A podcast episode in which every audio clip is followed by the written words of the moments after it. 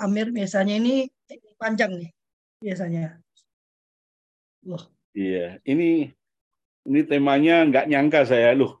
Oh yang ini saya pas nanya-nanya Bang Deli itu nggak ngeh ini tema ini. Uh, iya, memang agak berat yang yang yang punyanya iya. Kak Amir ini agak berat memang. Tapi ini menurut saya uh, memang gongnya ya, gongnya ya. Menarik sekali. Saya, saya sudah sering ngomong ini. Saya oh. udah ngomong ini, saya ngomong ini sejak 2009 saya ngomong ini. Nah, cocok berarti kan. Ya. Kita mulai ya, Kak Amir ya, supaya ya. enak ya. Ya. Uh, selamat pagi, sahabat seluruh keluarga. Mohon maaf ya ini saya mengendalikan bersin. Uh, selamat bertemu kembali dalam Kultur Parenting Pagi edisi hari Jumat tanggal 31 ya. Ujungnya Maret ya tahun 2023. Waktu berlalu kayak kejar-kejaran ya tahun ini ya. Rasanya seperti kejar-kejaran dan hari ini adalah hari terakhir untuk tema kita. Jangan jangan ragu, jangan sedih ya. Untuk tema kita terkait disrupsi teknologi. Dan sengaja memang, uh, sengaja dan tidak sengaja ya, karena Kak Amir juga kan saya meminta kesediaan teman-teman sesuai dengan jadwal masing-masing ya. Uh, Pak Kamir, puji Tuhan menyediakan waktunya karena belakangan ini beliau super sibuk ya. Ini aja udah terbang sono terbang sini ya. Uh, super sibuk dengan uh, kegiatannya. Semoga nggak hilang nanti ya Kak Amir ya, tetap bisa nemani kami. Amin, amin. Dan uh, karena bisa bicara disrupsi teknologi, ada satu yang sering kali meleset ya Kak Amir ya. Uh, dianggap oleh orang tua, teknologi ini justru makin mempercepat uh, kemampuan anak. Nah, itu ya Kak Amir ya. Seringkali orang tua bangga dengan misalnya kemampuannya berselancar di teknologi meskipun usianya masih sangat muda gitu ya. Loh, ini buka ini dia ngerti loh Kak. Nggak ada yang ngajari loh kak. Bisa gitu ya. Atau juga kemampuannya untuk duduk diam ya karena sudah ditemani oleh gadget. Nah uh, uh, kalau saya yang ngomong nggak ada yang mau dengar nih dokter Amir ya Kak Amir ya tapi sekarang yang berbicara adalah salah satu pakar karena dia bukan satu-satunya tapi salah satu pakar yang memang benar-benar mencoba mendalami tentang neuroscience Bahkan beliau membentuk yang namanya Neuro Parenting School ya. Saya menjadi murid yang tidak baik karena jarang muncul ya. Tapi videonya saya tonton terus. Kalau teman-teman ingin belajar lebih jauh tentang neuroparenting, silakan ikut Kak Amir punya sekolahnya ya setiap Jumat ya. Dan menariknya kalau sama Kak Amir ini ngomong katanya cuma 30 menit jadinya satu jam ya, nggak pelit ilmu beliau ya. Nah, hari ini kita akan mendengarkan sebetulnya sebetulnya. Saya nggak mau cuma bilang dampak negatif ke Amir ya, karena uh, busuk lah ya kalau kita cuma ngomong jeleknya aja ya. Apa sih uh, uh, dampak positif dari disrupsi teknologi ini? Karena ini makin cepat nih ya uh, terhadap perkembangan saraf otak anak ya atau kita ada manfaatnya nggak sih untuk kita secara neuroscience? Nah, kemudian apa dampak buruknya, terutama bagi anak dan juga bagi kita? kalau uh, kita tidak cerdas dan cerdik dalam berselancar uh, dalam disrupsi teknologi ini. Silakan Kak Amir. Ya. Bismillahirrahmanirrahim. Assalamualaikum warahmatullahi wabarakatuh. Selamat pagi, salam sejahtera bagi kita semua. Senang sekali sebuah tantangan yang seru banget ini dari Eh, teman-teman uh, seluruh keluarga yang uh, apa namanya memberikan tema di pagi hari ini. Ini seyogyanya semua semua orang ikut terutama yang memiliki putra putri yang uh, masih usia dini ya. Usia dini saya masukkan di 0 sampai 7 tahun sekitar itu ya teman-teman ya. Semuanya uh, apa namanya uh, bebas diskusi ya uh, dan saya berusaha memberikan pijakan-pijakan uh, ilmiah yang teman-teman bisa pegang teguh gitu ya pegang teguh dan mudah-mudahan bisa dilaksanakan gitu ya.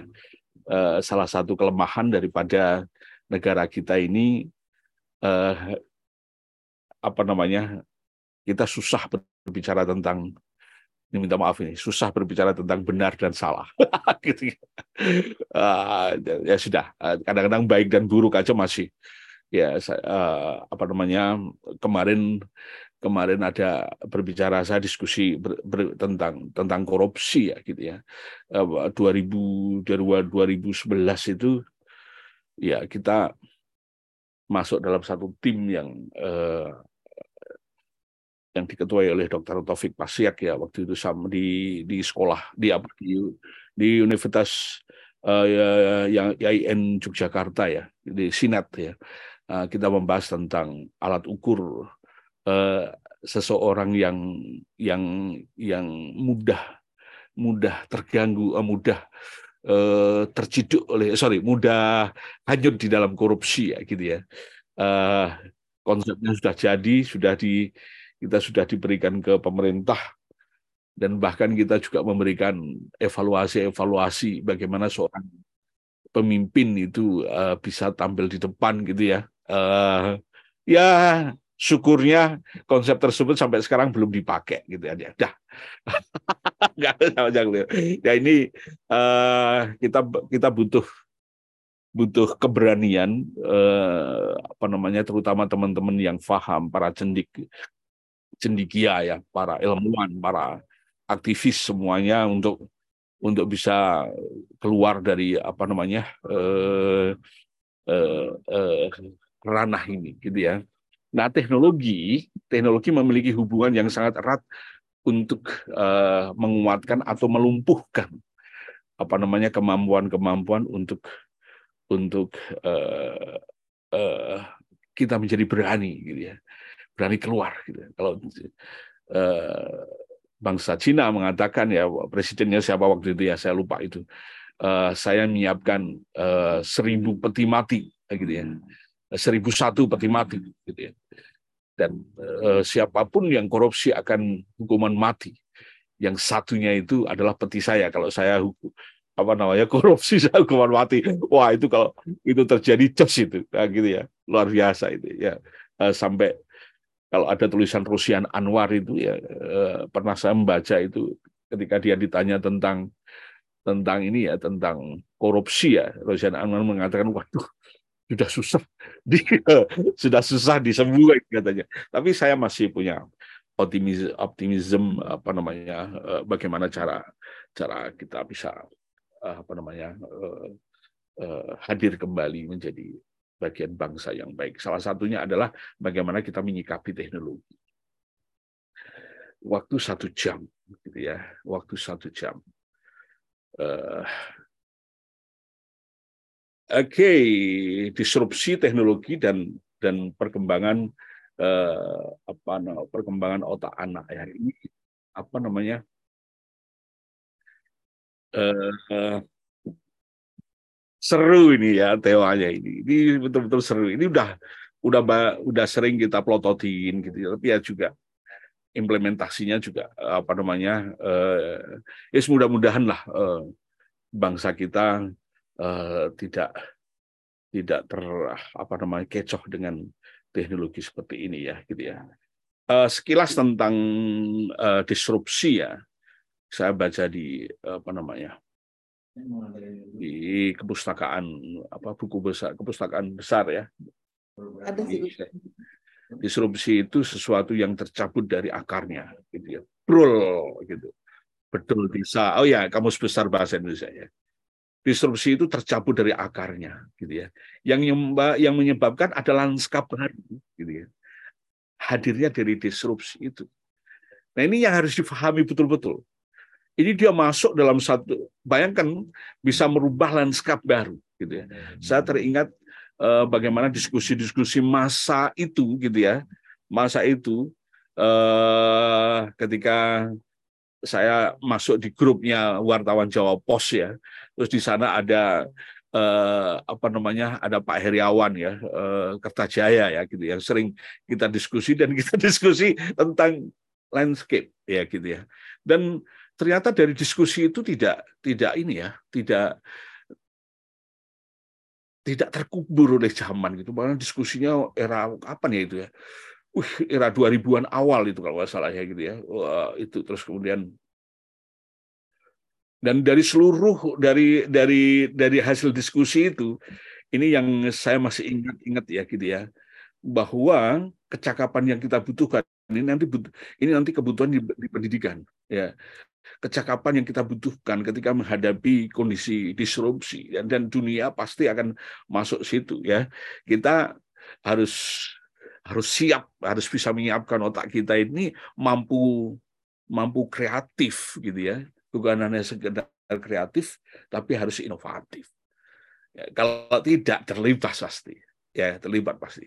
Bayangkan disrupsi ini apakah harus ada? Ini memang sudah sudah takdir Tuhan ini harus ada gitu ya.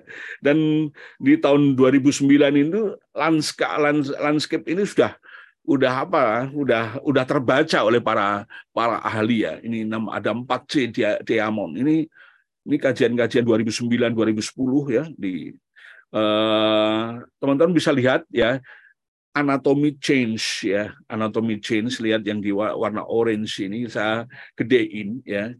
Salah satu uh, uh, faktor yang bisa mengubah sampai tercabut di akar-akarnya itu adalah teknologi ya adalah teknologi.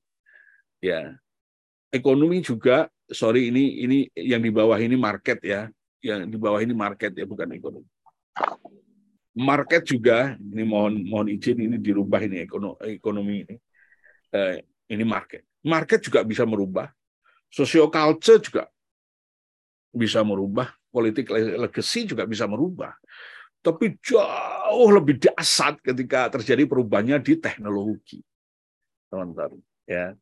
Nah kita sudah masuk di masuk di tataran itu ya. Artificial intelligence itu sudah wih sudah jadi jadi kajian yang yang apa namanya uh, uh, uh, jadi makanan keseharian gitu ya gitu ya. Sampai um, apa namanya dasarnya teknologi ya yang namanya Dahlan Iskan itu ketika dia akan keluar rumah itu dia dia nyetel ada satu robot yang bentuk botol itu ya dia nanya aku boleh keluar rumah nggak? Ditanya dia mau ke mana pak? Oh ke sini ke sini sini sini gitu e, kalau ingin berangkat sekarang pak ya gitu ya. Karena satu jam lagi di sana itu akan mewacet ya gitu gitu ya. Oke terus jangan lupa uh, pastikan bapak sehat dan seterusnya kayak gini, gini sampai gitu itu uh, teknologi itu bisa bisa bisa berefek. Sampai menjadi apa namanya konsultasi pribadi ya gitu ya. Uh, berbagai video teman-teman bisa menemukan ya di Jepang, di Cina, ya bahkan di pameran-pameran uh, otomotif di di Indonesia, di Kebayoran Lama atau di tempat itu kita sudah menemukan mobil itu bisa jalan sendiri gitu ya, bisa jalan sendiri, bisa menghadir apa namanya uh, apa namanya uh, kalau kita kalau kita pesan uh, go-kart apa gitu. Ah, kalau ini nyebut merek ya. ya seperti itulah gitu ya. Itu bisa datang sendiri tanpa ada pada sopir. Orang menyebutkan mobil siluman dan seterusnya ya. Ini efek daripada teknologi ya. Gak usah jauh-jauh ya, gak usah jauh-jauh. Ya kehadiran apa namanya uh, ojek ya ojek online dan seterusnya hmm. itu ini bagian daripada uh, apa namanya dasarnya uh, teknologi terhadap kehidupan kita sehari-hari ini ya dulu tukang ojek di samping saya waktu itu uh, pas apa namanya di di Jakarta itu ya kalau teman-teman masuk di di Ciliwung gitu ya di situ itu ada satu satu kumpulan teman-teman ojek dan saya kenal banget karena kadang-kadang kita buat ngopi bareng dan seterusnya gitu ya. Saya udah ngomong sama awal uh, kalau bapak-bapak ingin terus uh, menjadi apa namanya uh, profesional ojek ya bilang gitu ya. Anda masuk online mau nggak mau. Kalau kalau anda nggak masuk anda tergirus pasti. Ya anda nggak dapat penumpang bisa jadi. Ya gitu. Bisa jadi misalnya hanya apa no ya ada mungkin terbatas gitu ya. Eh, dan apa yang terjadi?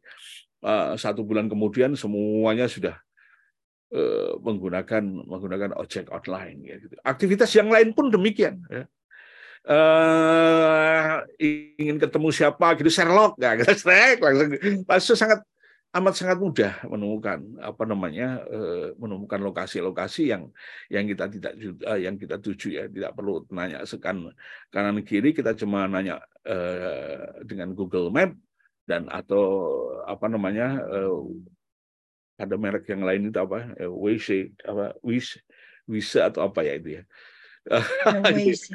Ah, iya, kadang-kadang yang saya, saya punya berapa gitu ya. Kalau yang satu error gitu ya, kalau saya langsung pindah gitu ya. Uh, ya apa namanya? Uh, kesiapan Indonesia, ya kesiapan Indonesia untuk untuk uh, bisa menggunakan teknologi itu dengan baik itu sangat penting sekali ya. Ah, salah satu pemandu kita betapa berapa beta, apa namanya beta, uh, berapa besar sih uh, peran teknologi ini untuk kehidupan kita ya terutama untuk anak-anak kita ya. Uh, World Economic Forum itu uh, memberikan satu uh, apa nama top 10 ya skill of uh, 2000 uh, apa namanya 2025 itu ya ada 10 ya gitu ya. Teknologi itu dua ya. Dari 10 itu dua masuk di situ.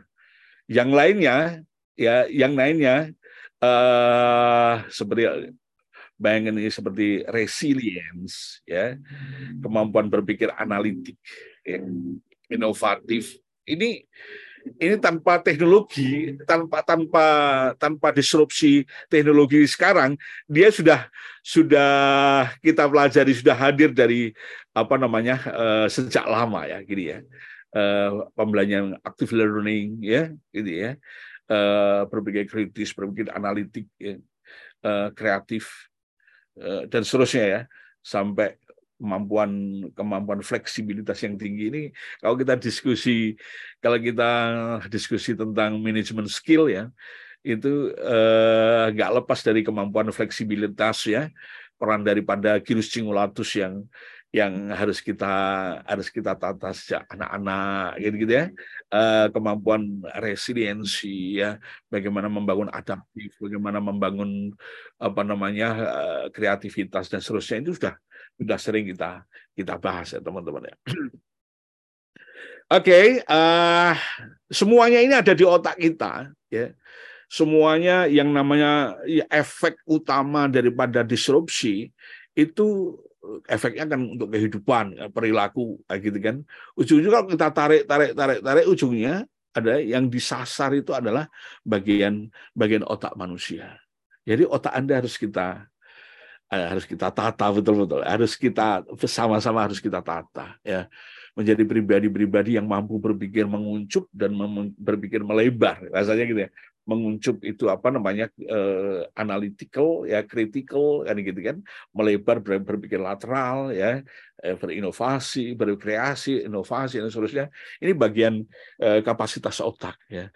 Semakin kita memahami bagaimana otak bekerja anda uh, kita kita semakin semakin ini ya semakin senang ya gitu ya semakin mudah menangkap fenomena. Dan ada informasi yang yang asik sekali yang saya dengar dari pendidikan bahwa calistung tidak jadikan ala alat tes untuk anak bisa layak kelas 1 SD atau tidak. Ya, ini ini menyenangkan. Ini menyenangkan. Cuman uh, apakah para para para guru sudah siap sampai saya itu saking jengkelnya gitu, bukan jengkel, gemes gitu ya. Dengan para guru saya sekarang buka sekolah neuro teaching kan uh, kalau neuro teaching, neuro teaching 32 jam ya yang ngajar pakar-pakar gitu ya. Ada ah pokoknya teman-teman kalau punya sekolah terus kok nggak ikut neuro teaching gue rugi pol ya, gitu ya. Kembali bahwa disrupsi teknologi itu anda melibatkan otak ya kalau nggak percaya anda lepas otak anda nanti kan anda nggak berhubungan dengan disrupsi ya gitu ya dan otak itu ada dua belahan ya satu belahan kalau kita buka seperti gambar dua ini dan dan ini yang nomor tiga ini, ya nomor tiga ini penting sekali, tidak kalah pentingnya gitu ya, dengan persoalan disrupsi ya. Itu persoalan bagaimana bagaimana terjadi change, jadi perubahan-perubahan ya. Uh, dan dan otak manusia itu wah jangan dibilang ngos-ngosan, enggak, enggak ada otak manusia ngos-ngosan ya. Yang penting ada belajar uh, asik ya uh, Kak Lovely mengerjakan sampai jam 3 yang penting senang hati gitu ya wah dah seru ini dia yang yang neuron ini eh, merubah merubah sesuatu merubah habit apa pasti terjadinya di tingkat tingkat neuron. Demikian juga di disrupsi ya. Terjadinya tingkat neuron ya melibatkan dua area ya. Dua area area dalam ya. Kita selalu menyebut area dalam dan area luar ah, gitu ya. Area subkortikal area kortikal Oke ya, ini ini pijakan pijakan ilmiahnya. Ini. Saya sudah masuk ke pijakan ilmiah, termasuk semuanya ini tentunya dibangun oleh uh, uh, sel-sel saraf otak yang namanya yang namanya neuron ya. Dengan seluruh kapasitas dengan seluruh komponennya termasuk termasuk apa namanya uh, neurotransmitternya ya apa namanya uh, uh, listriknya dan dan semuanya gitu ya. Oke okay, uh, pastikan uh, otak dalam dan otak luar. Nah ini sudah mulai masuk ini ya. Mulai masuk. dampak positifnya sangat banyak ya dampak positifnya sangat banyak yang saya sudah sampaikan tadi ya eh, betapa betapa jualan semakin mudah gitu ya. Kalau yang ngerti ya jualan eh, apa namanya eh, belajar ya belajar seperti kalau Fli bilang wah ini online ini keren ya gitu kan. Memang betul ya betul. Bagi yang yang apa namanya yang tertarik belajar ya. Kalau yang nggak tertarik view, dia harus online, harus apa namanya, harus harus beli beli apa namanya beli pulsa apa apa iya kalau nggak kalau offline jangan juga naik oplet ke lokasi jauh lagi gitu kan kalau beli pulsa paling lima puluh ribu sudah bisa online kan gitu tapi kalau naik oplet ya kadang-kadang eh, pasti lebih dari ya gitu ya. Ini ini ini persoalan perubahan habit ya. Dampak positif uh, amat sangat banyak teman-teman. Sangat banyak ya gitu ya. Um, bahkan sekarang belajar seperti uh, sekolah neuroparenting yang saya yang saya sampaikan lewat online dengan dengan tim ya. Uh, tim dan menyampaikan sekolah online dan uh, yang sekolah yang di dalam online itu bisa dari mana saja ya gitu ya. Dari ujung dunia mana saja bisa melakukan itu ya itu bagian daripada uh, dampak positif yang yang daripada uh, dampak positif daripada disrupsi uh, teknologi ya dampak negatifnya. Ini ini betul-betul saya mengatakan dampak negatifnya. Ya betul-betul dampak dampak negatif. Oh, banyak sekali dampak negatif ya. Uh, banyak banyak sekali dampak positif maksud saya. Tapi ada hal yang yang sangat mendasar sekali di dampak yang yang positif. Seperti yang saya sampaikan di di beberapa di beberapa dekade di beberapa seminar-seminar ya gitu ya. Um,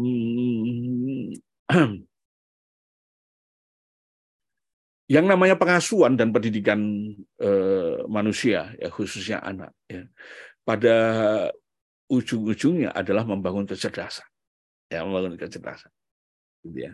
Nah efek daripada efek daripada membangun kecerdasan anda harus harus fokus di otak ya harus fokus di otak, terutama lima, lima, lima hal yang membuat otak itu bergairah kan gitu ya, mulai nutrisinya, rangsangan lingkungan yang variatif ya gitu ya, apa namanya? Uh, uh, uh, uh, uh, latihan emosi yang konstruktif gitu ya, terus kemudian uh, lingkungan fisiknya, terus kemudian rangsangan rasional. Ini lima hal ini uh, sejak dulu saya gunakan faktor faktor penentu. Gitu. Faktor penentu. Ya gitu ya.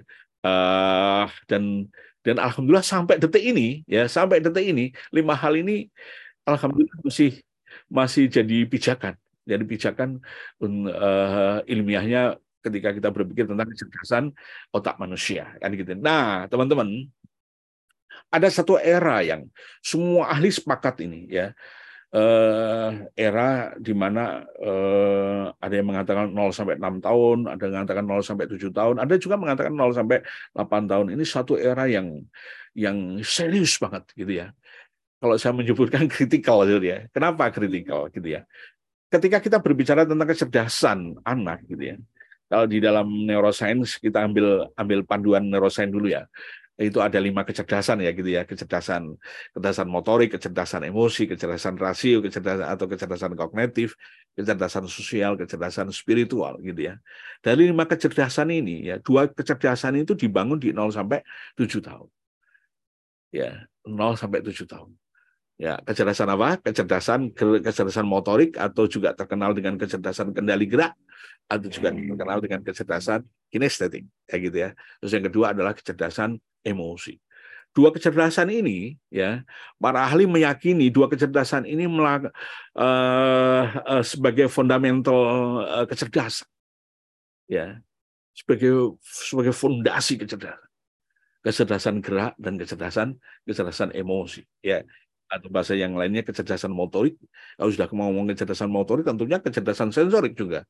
Kalau kita ngomong kecerdasan sensorik, tentunya kita ngomong tentang tetek bengek yang berhubungan dengan motorik termasuk refleks-refleks primitif pada anak dan yang terjadi ketika anak baru lahir sampai usia tiga bulan dan seterusnya.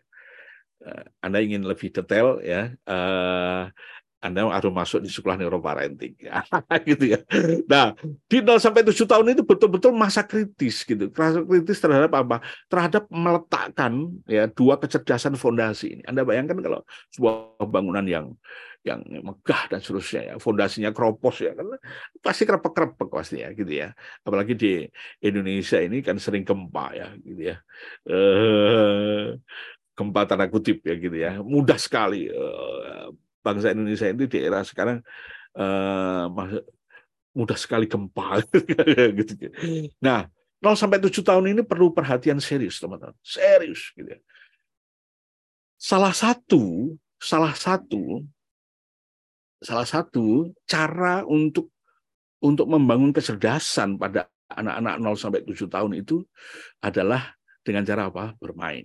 Oke, semua aspek kehidupan anak harus harus menyenangkan. Ya, Lisa Feldman Barrett mengatakan harus apa namanya emotional, uh, konstruktif emosional, gitu ya. Harus happy, 0 sampai 7 tahun. Ya, nah untuk bisa uh, kenapa demikian? Karena karena otak di 0 sampai 7 tahun yang yang sedang berkembang pesat adalah otak bagian dalam. Ya, otak luar sih sudah berkembang, cuma nggak nggak sepesat daripada otak bagian dah, dalam. Otak bagian dalam berurusan dengan gerak dan emosi. Ya selain itu, selain itu ya vegetasi, ya sistem hormonal dan seterusnya. Otak, kalau otak bagian luar itu urusannya dengan berpikir, berbahasa, decision making dan seterusnya. Ya gitu ya. Nah, karena otak anak yang berkembang adalah uh, uh, mulai bagian dalam ya. Sekali lagi otak itu berkembang berkembang dari belakang, belakang ke depan ya. Belakang itu dalam ya gitu. Ke depan, depan itu arahnya keluar ya, bukan dari kanan ke kiri atau kiri ke kanan.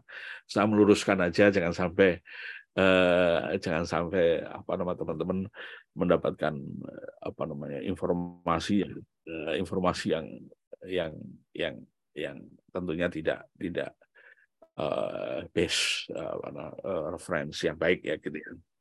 Oke, okay. 0 sampai 7 tahun. Anak-anak 0 sampai 7 tahun itu seluruh aktivitasnya dalam hal ini proses belajarnya yang dikemas dalam bentuk permainan-permainan sedemikian rupa sehingga membuat anak bahagia, menyenangkan dan seterusnya harus tidak ini ini catatan ini ya tidak berlawanan dengan aktivitas otaknya ya. Jadi uh, di di neuro teaching itu uh, ada dokter Putri sama uh, psikolog uh, Yirawati sering membahas tentang, tentang apa namanya tentang tentang bagaimana menyiapkan mainan-mainan anak yang ramah yang ramah otaknya ya. Seluruh aktivitas anak ya itu adalah sarana untuk membangun kecerdasan anak. Ya. Nah, salah satu cara untuk membangun kecerdasan anak adalah dengan cara bermain. Semuanya bermain. Karena efeknya ke happy kan gitu kan. Efeknya ke happy, efeknya akan nanti eh, apa namanya akan pembentukan pola pikir anak lebih cenderung happy daripada trend kayak gitu ya. Eh, ini tujuannya ke arah ke arah sana. Nah, di 0 sampai 7 tahun ini kalau kita eh, tidak tidak cakap kalau kita tidak eh, cerdas memilih dan memilah permainan-permainan anak, terutama yang bersumber daripada teknologi, ya maka pasti merusak otak anak, pasti. Ya, pas saya sudah mengatakan gitu karena karena risetnya risetnya semua orang sudah mengatakan. Ya, apakah apakah eh, apa nama teknologi tidak tidak bisa membuat membuat neuron-neuron berkembang dokter yes bisa sekali ya kalau kalau basicnya fondasinya sudah utuh. Sudah anda letakkan dulu. Ya saya tidak saya tidak apa namanya tidak anti gadget dan seterusnya ya, gitu ya.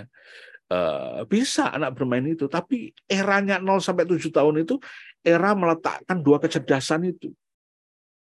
Ya.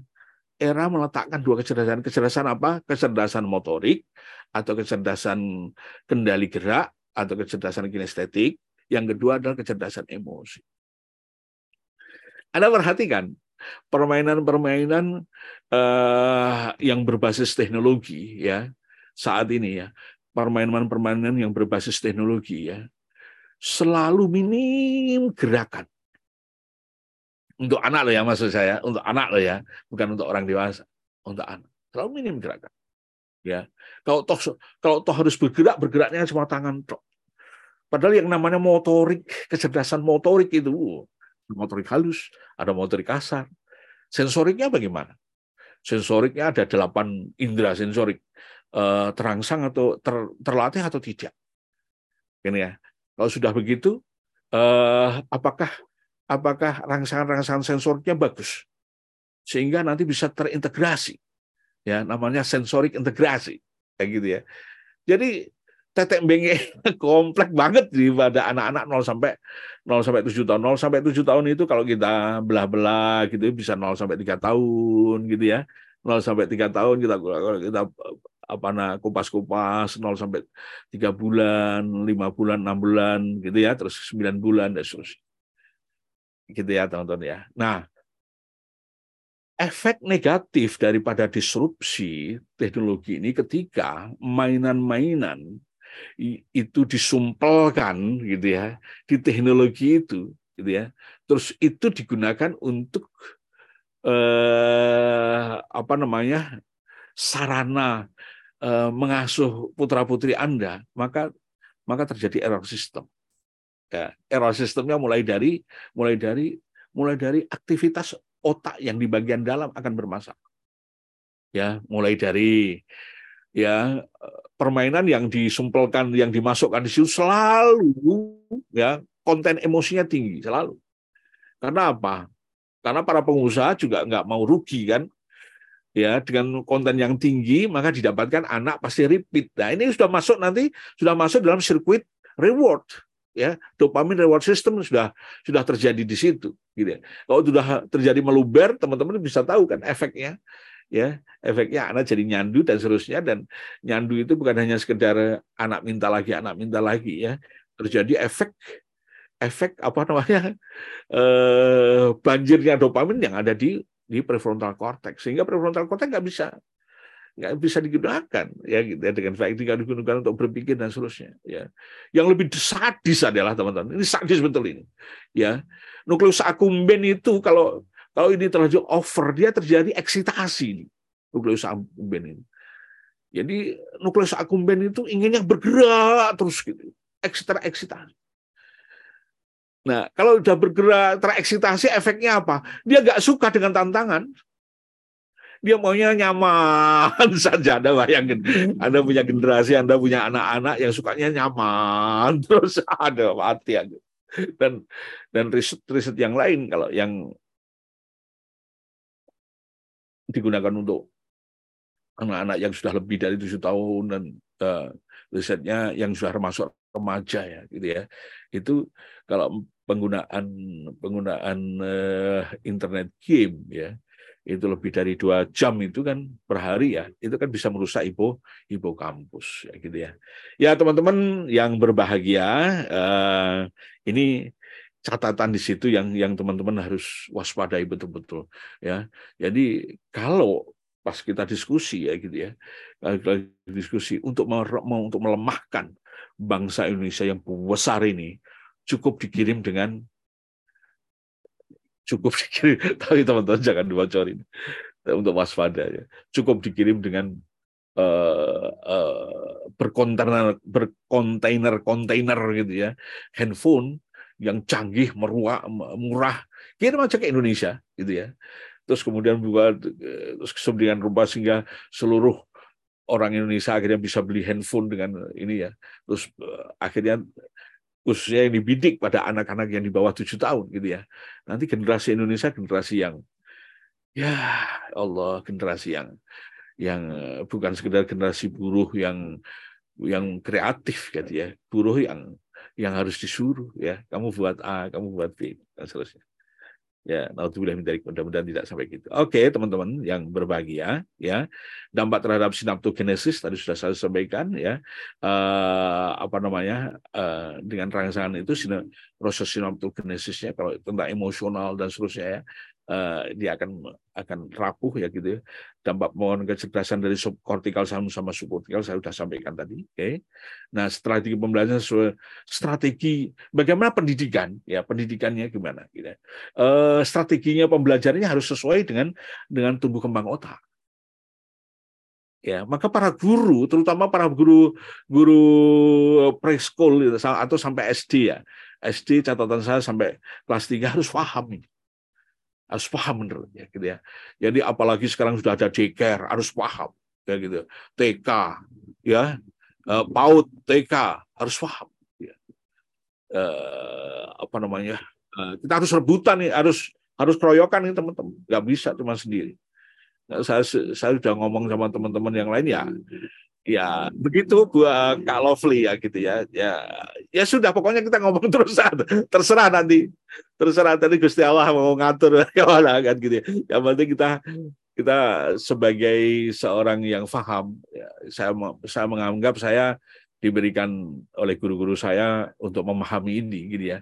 Ya meskipun pahamnya mungkin mungkin ya bisa bisa ditambah lagi dan seterusnya minimal ini yang saya sampaikan. Dan strategi pembelajaran ini yang penting sekali. Ya strategi pendidikan sampai ya di neuro teaching ini kita sudah buka programnya 32 jam. Itu ada poin ke 11 ini neuro kurikulum aplikasi.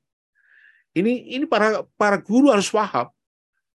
Kita harus bisa menyiapkan apa namanya eh, aktivitas-aktivitas pembelajaran yang yang uh, sesuai dengan sesuai dengan tumbuh kembang kembang otak. Oke ya teman-teman ya. Oke, uh, provokasinya sampai di sini dulu. Semoga bermanfaat. Oke, terima kasih. Selamat pagi. Ya, udah terbangun kan belum dengan tadi gempuran-gempuran informasi dari Dr. Amir ya? Uh, walaupun saya bukan pelaku neuroscience, dokter Kamir, tapi sejak anak-anak saya kecil ya, saya sudah saya memakai brain based uh, eh, apa uh, brain based apa teaching ya kalau nggak salah ya uh, buku yang saya pakai itu. Jadi memang Uh, menurut saya memang uh, harus holistik kan kita melihatnya. Uh, mulai dari pertumbuhan otaknya lalu tadi kan nggak bisa hanya catering di otak. Otak itu mempengaruhi apa kecerdasan-kecerdasan yang lain ya lima tadi ya. Dan ini yang sulit sekali disampaikan kepada para pendidik kita juga orang tua gitu ya. Sebetulnya kami tes calistung itu itu tidak pernah ada dalam tata aturan kenegaraannya jadi bahkan di Kemendikbud itu sudah dilarang. Sebetulnya ada aturan larangannya itu ada gitu. Hmm. Uh, cuman tiap kali saya bicara dengan guru TK, guru TK-nya bilang, ya gimana kalau masuk SD itu memang maunya gitu kak. Kalau enggak nanti gimana anak saya gitu ya. Kalau hmm. saya bicara dengan guru SD, ya gimana kak? Semuanya kayak gitu nanti kita nggak dapat murid gitu ya. Hmm. Jadi uh, agak-agak bingung ngomongnya ya. Uh, uh, saya tanya ke di, para direktur di SD dan out, beliau-beliau mengatakan uh, aturannya jelas gitu ya. Cuman ini ter, saya tengarai Depdikbud itu memang senang bikin aturan, tapi mau dikerjakan apa enggak terserah. Nah, ini saya juga uh, berkali-kali uh, quote unquote ngomel-ngomel ya. Uh, kalau membuat tata aturan Permendikbud dikeluarkan terus ya dengan biaya yang besar karena saya pernah ikut pembuatan Permendikbud ke Amir dan dana yang saya dapatkan itu cukup besar gitu. Hmm. Buat apa uh, mengeluarkan dana untuk saya besar itu Pak nanti tidak digunakan dengan itu kan pemborosan uang negara. Ini hmm. dok ini jadi jadi curhat ya. Uh, Dokter Ferry ini nanya, Dok, neuro teachingnya ini kan apakah dalam bentuk sekolah atau hanya konsultasi dari orang eh, konsultasi bagi orang tua saja. Ya, sekolah. Ini sekolah ini. Jadi saya buka dikit ya. Ini sekolah ini hmm. uh, dan uh, yang mengajar ini ada Pak Alam. Pak Alam ini uh, calon doktor ya. Dia banyak belajar di Jepang kemarin gitu ya. Uh, dia master pendidikannya di Indonesia. Terus kemudian Bunda Ira, dia psikolog ya psikolog uh, ini psikolog terkenal di Surabaya, terutama yang berhubungan dengan uh, sekolah-sekolah ya apa namanya uh, perkembangan anak-anak ya gitu ya. Maka kalau nanti Pak Alam dia akan mengajari bagaimana desain pembelajarannya otak anak, bagaimana berbasis otak. Kalau Bunda Ira ini nanti dia mengajari tentang uh, keterampilan pra membaca, menulis ya itu ya. Terus uh, yang lebih ini di permainan anak yang cerdas. Dan kemudian yang kedua ini yang Bunda Khotim ini uh, salah satu ketua uh, apa namanya uh, perhimpunan terapis Indonesia kalau saya uh, dia lulusan uh, lulusan terapis Solo ya. Uh, apa namanya dulu akademi ya di Solo itu ya. Sekarang udah udah S1 sekarang statusnya. Dia ininya eh, apa namanya afiliasinya di Jepang langsung ya gitu ya. Uh, nah ini terus kemudian saya saya paling banyak berbicara tentang bagaimana membangun sirkuit uh, mengaktifasi atau mempraktekkan atau memberikan rangsangan-rangsangan sirkuit papes dan, dan ini belajar belajarnya 32 jam ya kita buat kita kita buat apa namanya tiap tiap uh, tiap bulan itu tiga kali pertemuan ya biar enggak nggak jenuh nih mata juga gitu ya selama enam bulan gitu ya. Nah uh, uh, apa namanya uh, biayanya sangat terjangkau lah sangat terjangkau gitu ya. Oh, sangat terjangkau. Uh, mudah-mudahan uh, bisa bisa ikut semua. Ya, khususnya guru ya. Jadi ini spesial guru PAUD TK dan SD memang atau daycare boleh masuk sini ya. Ini spesial guru SMP nggak boleh masuk, apalagi SMA. Ya, tapi kalau psikolog psikolog anak boleh, ya psikolog anak boleh bisa masuk di sini. Ya, ini betul-betul gemesnya saya terhadap guru-guru TK terutama ya, uh, ya gemesnya uh, dari kalau mereka woro-woro terus gitu ya. Uh, saya yakin Indonesia nanti semakin lama semakin semakin membaik kualitas pendidikannya. Sebetulnya saya ini kan ini ya apa uh, yeah. GJ ya, GJ gitu ya.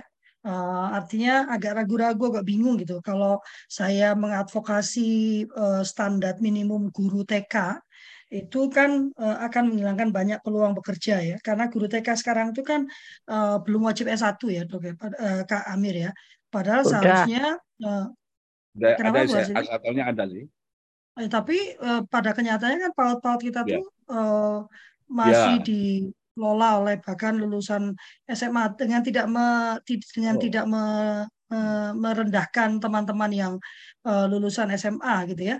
Uh, hmm. Tapi uh, setidaknya kalau sudah S1 gitu ya, ada pola berpikir yang diubahkan. Uh, jangan ngomong prakteknya ya, karena banyak teman-teman S1 yang high order thinkingnya belum nyampe juga ya. Jadi uh, ini normatifnya itu seharusnya pada saat orang lulus S1 itu ada ada pola berpikir yang sudah terbentuk gitu ya Kak Amir ya.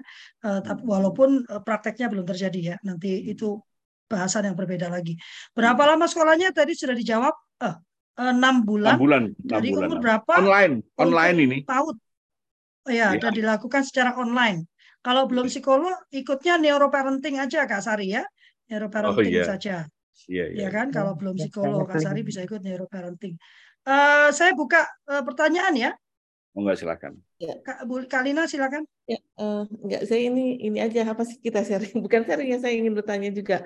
Nah sekarang ini kan saat ini ada diagnosa bahwa eh, anak dengan dampak dari tadi disruptif uh, digital itu terdiagnosa sebagai internet gaming disorder ya dok ya? Betul? Ya betul hmm. betul. Ya itu juga dampaknya luar biasa sih sebetulnya ke kognitif ke kemampuan atensi memori dan juga uh, kemampuan berbahasa. Nah hmm. kebetulan kemarin uh, saya dapat klien anak usia 8 tahun. Itu unik sekali ya dari terdiagnosa memang diagnosa uh, sementaranya adalah internet gaming uh, disorder. Jadi dari hasil tes IQ antara kemampuan verbal dengan kemampuan performance itu jauh sekali berbeda.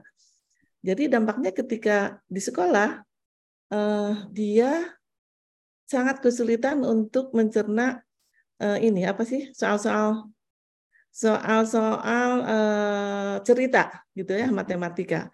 Tapi hmm. ketika kumon dia sangat jago sekali. Hmm. itu yang yang luar biasa ya. Nah, yang hmm. ingin saya tanyakan itu adalah uh, bagaimana tuh terapinya ya tuh.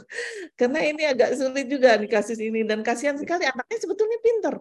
Ya. Dia jago merancang gitu ya. Kemudian uh, tadi kumonnya juga dia udah level 4 yang tinggi gitu. Tapi ketika dia uh, berhadapan dengan soal cerita atau realitas gitu ya, dia sangat kesulitan. Iya, nah, iya, iya. itu yang yang luar biasa sangat berhati Ganggu sekali Betul. bahasanya. Betul. Ya. Betul. Uh, kasus yang sama cukup banyak ya, Bun. Makanya itu saya bilang sama teman-teman yang punya bisnis apa namanya kumon itu ya saya bilang eh, pastikan anak-anak didik jenengan gerakannya bagus ya. Artinya eh, kalau ada evaluasi ada kalau bisa mengevaluasi ya eh, motoriknya oke okay, gitu ya sensoriknya oke okay, emosinya oke okay, itu baru oke. Okay. karena apa? Karena aktivitas belajar seperti itu kan aktivitas belajarnya otomatis di otak di, di otak kita di bagian subkortikal itu kan ada ada kompleks basal ganglia ya. Di antaranya striatum yang paling berkenan paling berhubungan di situ ya. Cara berpikirnya adalah otomatis gitu. Jadi gerakan tangan dan seterusnya itu otomatis banget itu gitu ya. Dan itu memang bisa dilatih. Dan itu nggak pakai pikiran. Nggak ada hubungannya dengan pikiran. Hubungannya dengan subkortikal tak aja yang penting anak tenang, anak nggak gugup, anak itu pasti dia bisa itu melakukan itu. Gitu. Nah, eh, apa namanya? Saya melihat eh, pendidikan yang seperti itu boleh-boleh model apa apa kursus atau apa begitu model-model boleh-boleh saja. Cuman cuman apa namanya? Eh, perangkatnya jangan dikorbankan gitu ya Artinya ketika banyak di subkortikal aja, kortikalnya juga jangan di jangan di jangan dibiarkan gitu ya. Jangan dibiarkan gitu ya. Padahal padahal otak itu sudah menyiapkan ya, menyiapkan satu jalur namanya cerebello kortikalis ya. Cerebello itu cerebello itu kata dari cerebellum ya gitu ya. Kortikalis itu kortikal, ada satu jaras ya yang menghubungkan dari otak kecil ke ke ke kortikal. Otak kecil itu bagian otak dalam, kortikal itu bagian otak luar. Otak kecil itu berhubungan dengan emosi dan gerak, ya gitu ya. Sementara otak luar berhubungan dengan kognitif, dengan kemampuan berpikir. Nah, eh, itu itu eh, bisa terasa hanya dengan dengan uh, aktivitas-aktivitas gerak yang yang terukur dan yang terlatih dan seterusnya gitu ya. Nah, um, kalau kita paham benar bagaimana mengasuh anak tahapan demi tahapan, tahapan demi tahapan gitu ya, ini akan terjadi ini ya. Jadi subkortikalnya berkembang bagus, kortikalnya juga berkembang bagus. Jangan jangan hanya subkortikalnya aja gitu ya. Jangan hanya subkortikalnya aja. Terus uh, uh, yang pada gilirannya nanti uh, ketika diberikan case ya, karena saya sudah menduga soal cerita pasti kelabakan dia di situ karena karena soal cerita itu itu uh, uh, dibutuhkan uh, keselarasan ini risetnya Daniel Segel ini butuhkan keselarasan jadi bukan hanya integrasi tapi selaras gitu ya. Nah, integrasinya bisa, integrasinya terutama di di di otak bagian subkortikal, tapi tidak selaras ya. Selarasnya harusnya eh, harusnya pakai sampai di otak bagian bagian luar. Nah ini terjadi pada anak-anak seperti ini, gitu ya. Eh, begitu untuk sementara, eh, Kak Lina. Terima kasih, terima kasih ya. Terima kasih. Ya, ya kan memang yeah. apa sih nama itu kan prinsip otak itu bekerja secara apa ya? Use full it brain. or lose it, ya. Use full it brain. Use it, katanya gitu. Oh ya, yeah. use it or not. Ya. Yeah. Yeah, yeah. Full brain. Sekarang sekarang kalau kita bahas otak itu kan harus harus whole brain ya.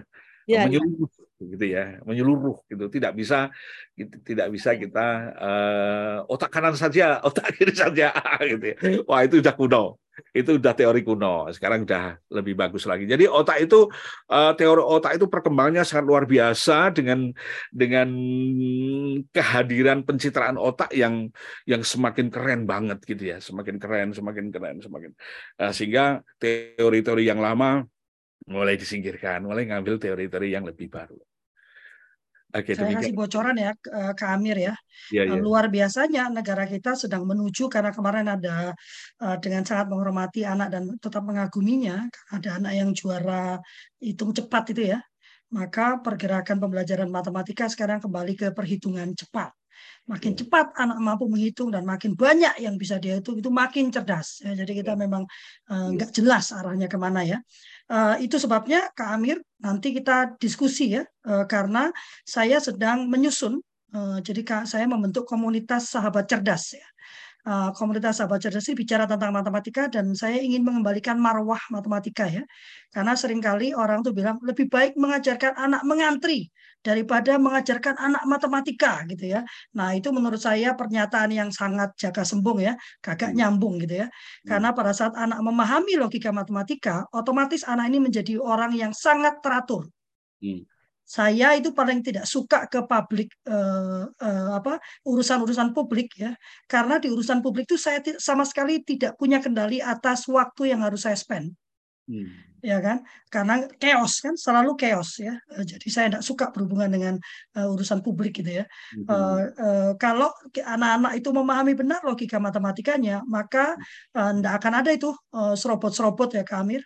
Uh, hmm. Karena dia paham benar, uh, dia bisa menghitung waktu yang harus dia uh, berikan uh, dia spend ya. Uh, penting banget untuk mengetahui saat waktu yang di spend itu ya. Uh, Kak Sari mohon singkat saja ya karena sudah jam 8 lebih tiga nanti saya tahu Kak Amir ini acara sudah berentet ini pasti sini. Terutama ya. puasa-puasa. Ya, silakan Kak Sari. Baik, ya kalau Fli pagi Dokter Amir kalau Fli. Jadi mau tanya pagi. kalau untuk ah, menyikapi disrupsi teknologi sekarang sama anak terutama anak saya juga karena saya single parent saya tinggal dia hanya sendirian di rumah. Nah, itu gimana tekniknya supaya dia itu ya itu tadi dia itu senang berhitung gitu loh. Maksudnya karena kalau berhitung itu bagus, menurut saya jadi uh, tatanan kehidupan dia juga kayak disiplin dan apa itu uh, bisa selaras gitu loh. Itu apa yang harus hmm. ditanamkan gitu terapi hmm. apa atau mungkin uh, habit habit positif apa yang harus saya iya. lakukan yeah. gitu yeah. dengan kondisi dia memang sudah mandiri gitu uh, dia sudah tertata lah intinya dia tahu oh jam segini jam segini dia sholat dia ngaji dia tahu cuman ada hal kalau ngitung tuh kok dia agak males gitu agak ada ah males lah ntar juga bisa gitu nah itu kayak gitu gimana tuh dok yeah. terima kasih usianya berapa uh, mbak Sari sekarang itu dia kelas 2 berarti iya. delapan tahun lebih ya Cuma yeah. memang dia pribadi yang sangat mandiri sekali, luar biasa itu. Jadi di rumah yeah. tuh nggak ada takut, nggak ada apa, nggak apa-apa gitu kan. Okay. Cuma handphone ini, dia kadang main handphone tuh alasannya, aku kan eh, main pecahan di handphone gitu, terus matematika di handphone. Tapi ujung-ujungnya aku lihat dia lihat YouTube gitu, YouTube-nya yang apa, ibarat yang nyampurin makanan lah, dan akhirnya nanti dia uh, ini sendiri, praktis yeah. sendiri gitu. Aku yeah. lihat iya. di YouTube kalau sereal di ini sama ini yeah. di blend jadinya gini, aduh, gitu kan? Dan akhirnya yeah. ujung-ujungnya kalau ngitung gitu, kenapa nggak berhitung kan udah tadi di handphone. Jadi dia malas nulis. Iya, kalkulator lah, gitu kan ya. Iya sih. Gitu. Karena yeah. memang IQ yeah. dia itu 127 ya dok ya gitu. Dan saya yeah. bilang gini, kamu nggak selaras, nah IQ-mu pinter banget gitu loh. Kalau sampai di sekolah kamu nggak juara kelas apa untuk berhitung, aneh gitu kan akan aku kalkulator gitu? Kalkulator dari mana? Kalau salah gitu. Jadi iya, kayak gitu iya. jadi aku iya. minta uh, kiatnya gitu loh supaya yeah. apa uh, dia itu memang fotokopi banget. Kalau suruh cerita tuh titik komanya sampai gurunya bilang luar biasa gitu kan.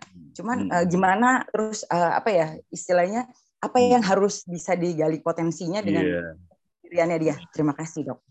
Iya, jadi uh, memang memang ring satunya anak itu jadi jadi penentu ya uh, apa penentu tampilan anak ya ring satu itu uh, ini kayaknya anak itu sangat sangat dekat sama sama bundanya dan seterusnya ya gitu ya. Jadi prinsipnya sebetulnya prinsip uh, masuk di aktivasi sirkuit reward. Gitu. Jadi sirkuit reward itu kan uh, prinsipnya kan gini, yang yang kita sukai mendekat, yang kita nggak sukai menjauh kan gitu kan. Jadi saya ulangi, yang tidak kita sukai membuat kita menjauh ya, yang kita sukai membuat kita mendekat gitu ya. Nah, ya. tips yang paling sederhana sekali tapi jitu ya, Anda temukan apa yang menarik. Ya, apa yang menarik temukan terserah. Nah, ini ini orang tua kadang-kadang orang tua uh, dalam pengasuhan itu butuh kreatif. Memang butuh kreativitas gitu ya. Jadi semakin semakin orang tua kreatif ya, semakin anak juga semakin nyaman dan pada gilirannya adalah tampilan-tampilan kreatif dari orang tua itu itu juga diadopsi oleh anak gitu ya. Juga diadopsi oleh anak cara berpikirnya dan seterusnya gitu. jadi kuncinya adalah bagaimana cara membangun anak-anak suka apa namanya uh, hitung-hitungan gitu ya. Kita kita apa yang menarik dalam hitung-hitungan itu gitu ya. Sampai hmm. mungkin pada saat praktek-praktek keseharian gitu ya. Uh, mungkin pas beli pas apa gitu ya. Uh, hmm. dulu dulu anak saya pernah nggak suka matematika gitu ya. Terus kemudian dia suka sukanya apa gitu ya. Sukanya bola gitu ya. Maka saya cantolkan matematika sama bola. Hubungannya di mana gitu ya. Cuma cuma anak kan suka matematika suka main bola. Jadi yang ya. tidak suka itu anda anda cantolkan gitu ya. Sehingga nanti di struktur otak itu kan, kan akan terbangun uh, apa proses sinaptik kan di situ ya. maka pas di bola gitu pas saya nendang gitu loh kok gol? gitu ya golnya kecil. Hmm. ayah kok bisa gol sih? Nah ayah tahu perhitungan ini dari dari tempat gol sana kurang lebih 10 meter gitu maka tendangan ayah harus begini gitu ya.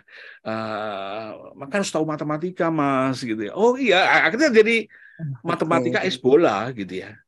Jadi ah, anak saya uh, yang sekarang psikolog gitu, psikolog klinik ini, dulu dia um, ya dia suka lah pada prinsipnya dia oke okay dengan dengan apa namanya pelajaran kimia ini pas SMA ya. Tapi tiba-tiba kimianya jeblok. Kimianya jeblok dan jeblok pun di bawah 50 gitu ya. Ulang aja ada 45. Dan bilang, "Loh Mas, ini nilainya kok gini?" Dia jawab apa? Hmm, gurunya ya baru lihat modelnya aja sudah muntah. Waduh, aku nah. nah ini saya PR pertama saya harus nyari dia harus bertanggung jawab ya karena karena dia melempar melempar ini kan melempar uh, tanggung jawab kan gitu ya. Akhirnya uh, dia tahu bahwa oh ya termasuk saya juga salah yakin terus kemudian saya berusaha menyambungkan antara kimia dengan apa yang dia sukai ya. Dia itu suka dia itu suka cerita-cerita kerajaan gitu ya kerajaan mm-hmm. gitu ya jadi novel yang ada kerajaan atau oh, pokoknya dia cerita-cerita itu suka gitu kemudian saya hubungkan antara antara Borobudur sama kimia gitu ya orang hmm. kita wah sudah dari situ dia ngomong ya aku belajar kimia nggak usah pakai guru nggak apa-apa udah clear dah yang penting udah kita temukan dengan dengan apa namanya eh, anak akhirnya merasakan gitu, gitu ya. Eh, tadi malam juga saya ngomong eh, anak saya mau kelas tiga. Eh, apa namanya dia ingin dia mau tes apa akuntansi tes ekonomi bagian akuntansi. Tapi kok nggak ini ya, ya nggak menarik gitu kan. Uh, yang lainnya. Akhirnya saya berikan apa yang menarik di akuntansi itu. Saya tanya dulu sama orang-orang akuntansi awas sih saya nyampaikan yang menarik ini. Akhirnya ya sudah yang menarik itu akhirnya dia accept ya sudah dia akhirnya ya sudah uh, mengambil akuntansi ya gitu demikian juga anak saya nomor satu yang yang dokter itu ya dulu dia sukanya main musik karena pintar sekali main musik. Tapi ayahnya sukanya jadi dokter gitu kan. Wah itu seru itu. Antara antara ayahnya sudah tahu teorinya sama ini eh, seru. Tapi akhirnya akhirnya terjadi adopsi antara seorang dokter yang tahu musik. Akhirnya jadi gitu. Ya sudah, yeah. sekarang kalau di rumah sakit, dia masuk grup main musik sama guru besar, sama gitu ya. Nah, seperti itu Bunda Sari. Iya. Uh, uh, bukan. Ini tidak ya, mudah, ingat, tapi silakan. Dulu saya ingat kak apa anak saya yang besar itu kan adik-adik kak Amir ya. Uh. Terus tiba-tiba dia senang main bola kan pusing ibunya ya. Kan koordinasi motoriknya mainnya kan buruk ya. Terus tiba-tiba dia tapi yang kami sempat nangis itu dia bisa main gitar. Uh, itu kan nggak nyangka ya. Karena kan motorik halusnya kan kacau banget ya. Yeah, yeah. Dia bisa main gitar.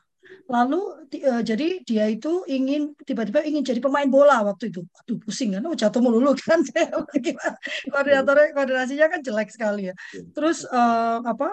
Uh, mau jadi pemain musik, wah pusing lagi ibunya kan. Akhirnya yang saya kerjakan saya arahkan aja. Sekarang dia menjadi jurnalis musik.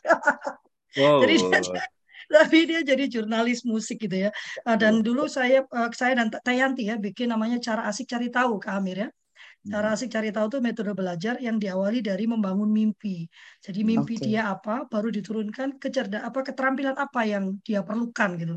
Dan jarang sekali saya menemukan anak yang kemudian menolak matematika karena apa pun yang dia pengen jadi princess pun itu kita bisa turunkan. Oh ternyata saya perlu belajar matematika untuk ini, untuk ini, untuk ini gitu ya. Jadi memang uh, dulu namanya ada uh, contextual teaching and learning ya. CTL ya, hmm. contextual teaching and learning itu mengkontekstualkan semua pembelajaran ke dalam kehidupan anak. Nah ini yang memang sulit ya, eh, sulit dan butuh waktu. Nah, ini yang biasanya guru-guru beralasan dia dikejar oleh tuntutan-tuntutan akademik sehingga tidak sempat masuk ke ke minat anak ya. Nah, minat anak, bakat anak, kecerdasan itu eh, digunakan seluruhnya untuk menunjang pendidikan ya Kak Amir ya, bukan ya. untuk mengkotakkan anak tapi untuk ya. menunjang pendidikan. Uh, silakan uh, closing statement udah jam 8 lebih 12 ini hari ini agak-agak nyantai uh, Kak Amir. Biasanya udah gelisah nih kalau udah jam 8. Iya ini uh, besok kita yang padat itu. Ya. Besok itu padat. Kalau Fili boleh sebentar. Ya. Jadi mungkin satu menit aja kayak ya sudah lebih 12 ya, menit ya. Uh, Ya. Karena ya. Jadi uh, jadi saya udah terapkan sih kayak misalnya kayak belanja gitu, kayak belanja ke Alfa hmm. atau ke mana pun dia yang pegang uang. Kamu pegang hmm. uang berapa? Seratus ribu. Dia enjoy sebenarnya, tapi begitu hmm. kalau harus nulis gitu, dia males. Tapi dia lebih senang lewat permainan di gadget itu kan ada pembagian, perpecahan. Nah dia suka di situ. Aku iya. bisa yeah. gitu. Jadi bukan yeah. dia nolak banget enggak karena dia tahu kalau yeah. aku mau jadi dokter uh, dokter yeah. uh, ahli bedah, aku harus bisa yeah. matematika kan bun gitu. Yeah. Karena memang yeah, iya. cita-citanya dia mau jadi dokter ahli bedah gitu kan. Aku bilang, yeah. Ya Iya. Kalau ditanya bukan cuma dokter, tapi dokter ahli bedah bun katanya gitu. Uh. Nah saya juga nggak tahu di mana dia punya impian gitu kan. Jadi saya mengembalikan lagi impianmu yeah. apa gitu. Yeah. Jadi gitu sih dok, bukan dia ngerijek banget nggak, cuma buat nulisnya ini kok sulit gitu loh. Iya. Kadang yeah. lebih sukanya lewat gadget. Nah itu kan jadinya yeah. yang kadang saya suka. Saya dulu pengen jadi Spiderman. Cita-citanya apakah mau jadi Spiderman? Iya. Silakan ya, kami sekalian uh, closing statement ya. Sudah jam delapan iya, Terima kasih. Oke, terima kasih. Mungkin nanti bisa kita lanjutkan lagi. Jadi teman-teman ya. uh, seperti biasanya setiap setiap uh, sesuatu yang baru pasti ada positif ada negatifnya kita kenalin itu terus kemudian kita bisa berselancar di situ ya uh, karena uh, kehidupan pasti pasti berubah ya hari ini hari hari ini lebih baik dari kemarin besok lebih baik daripada hari ini. Pasti itu terjadi itu. Dan pemandu kita sudah jelas hari ini harus lebih baik dari kemarin besok harus lebih baik dari dari hari ini. Sehingga uh, yang kita butuhkan adalah kesadaran terhadap perubahan-perubahan itu sendiri. Mana baik mana yang buruk yang yang buruk kita tinggalin yang baik ya kita siapkan untuk menuju kebaikan itu. Terima kasih Ya, kita sambil saya uh, mengucapkan penutupnya, um, monggo dikeluarkan uh, hatinya, uh, dibuka kameranya. Nanti Kak Deli akan mengambil foto kita hari ini. Uh, silakan bergabung dengan komunitas Suluh Keluarga ya. Tadi kalau mau tanya di mana, nanti saya akan bagikan kontaknya Kak Fao ya. Ya Kak Amir ya. Oh iya boleh boleh uh, boleh untuk ya. mendaftar uh, ke apa ke neuro sekolah ya. uh, neuroparenting atau neuro teaching ya. ya. Nah, jadi silakan ya, masuk ya, ke komunitas Sulu uh, keluarga, Akademi Seluruh Keluarga. Kak Dery sudah membagikan linknya. Saya akan bagikan kontak Kak Faul di sana ya. Jadi jangan tanya ke uh, kalau yang neuroparenting saya tahu biayanya. Kalau neuro teaching saya nggak tahu. Jadi nanti saya berikan kontaknya Kak Faul. Silakan tanya ke Kak Faul ya. Soalnya saya biasa gitu Kak Amir kalau saya yang bagikan uh, informasi seolah-olah saya yang bikin. Jadi nanyanya detail banget. Oh iya, tahu. saya.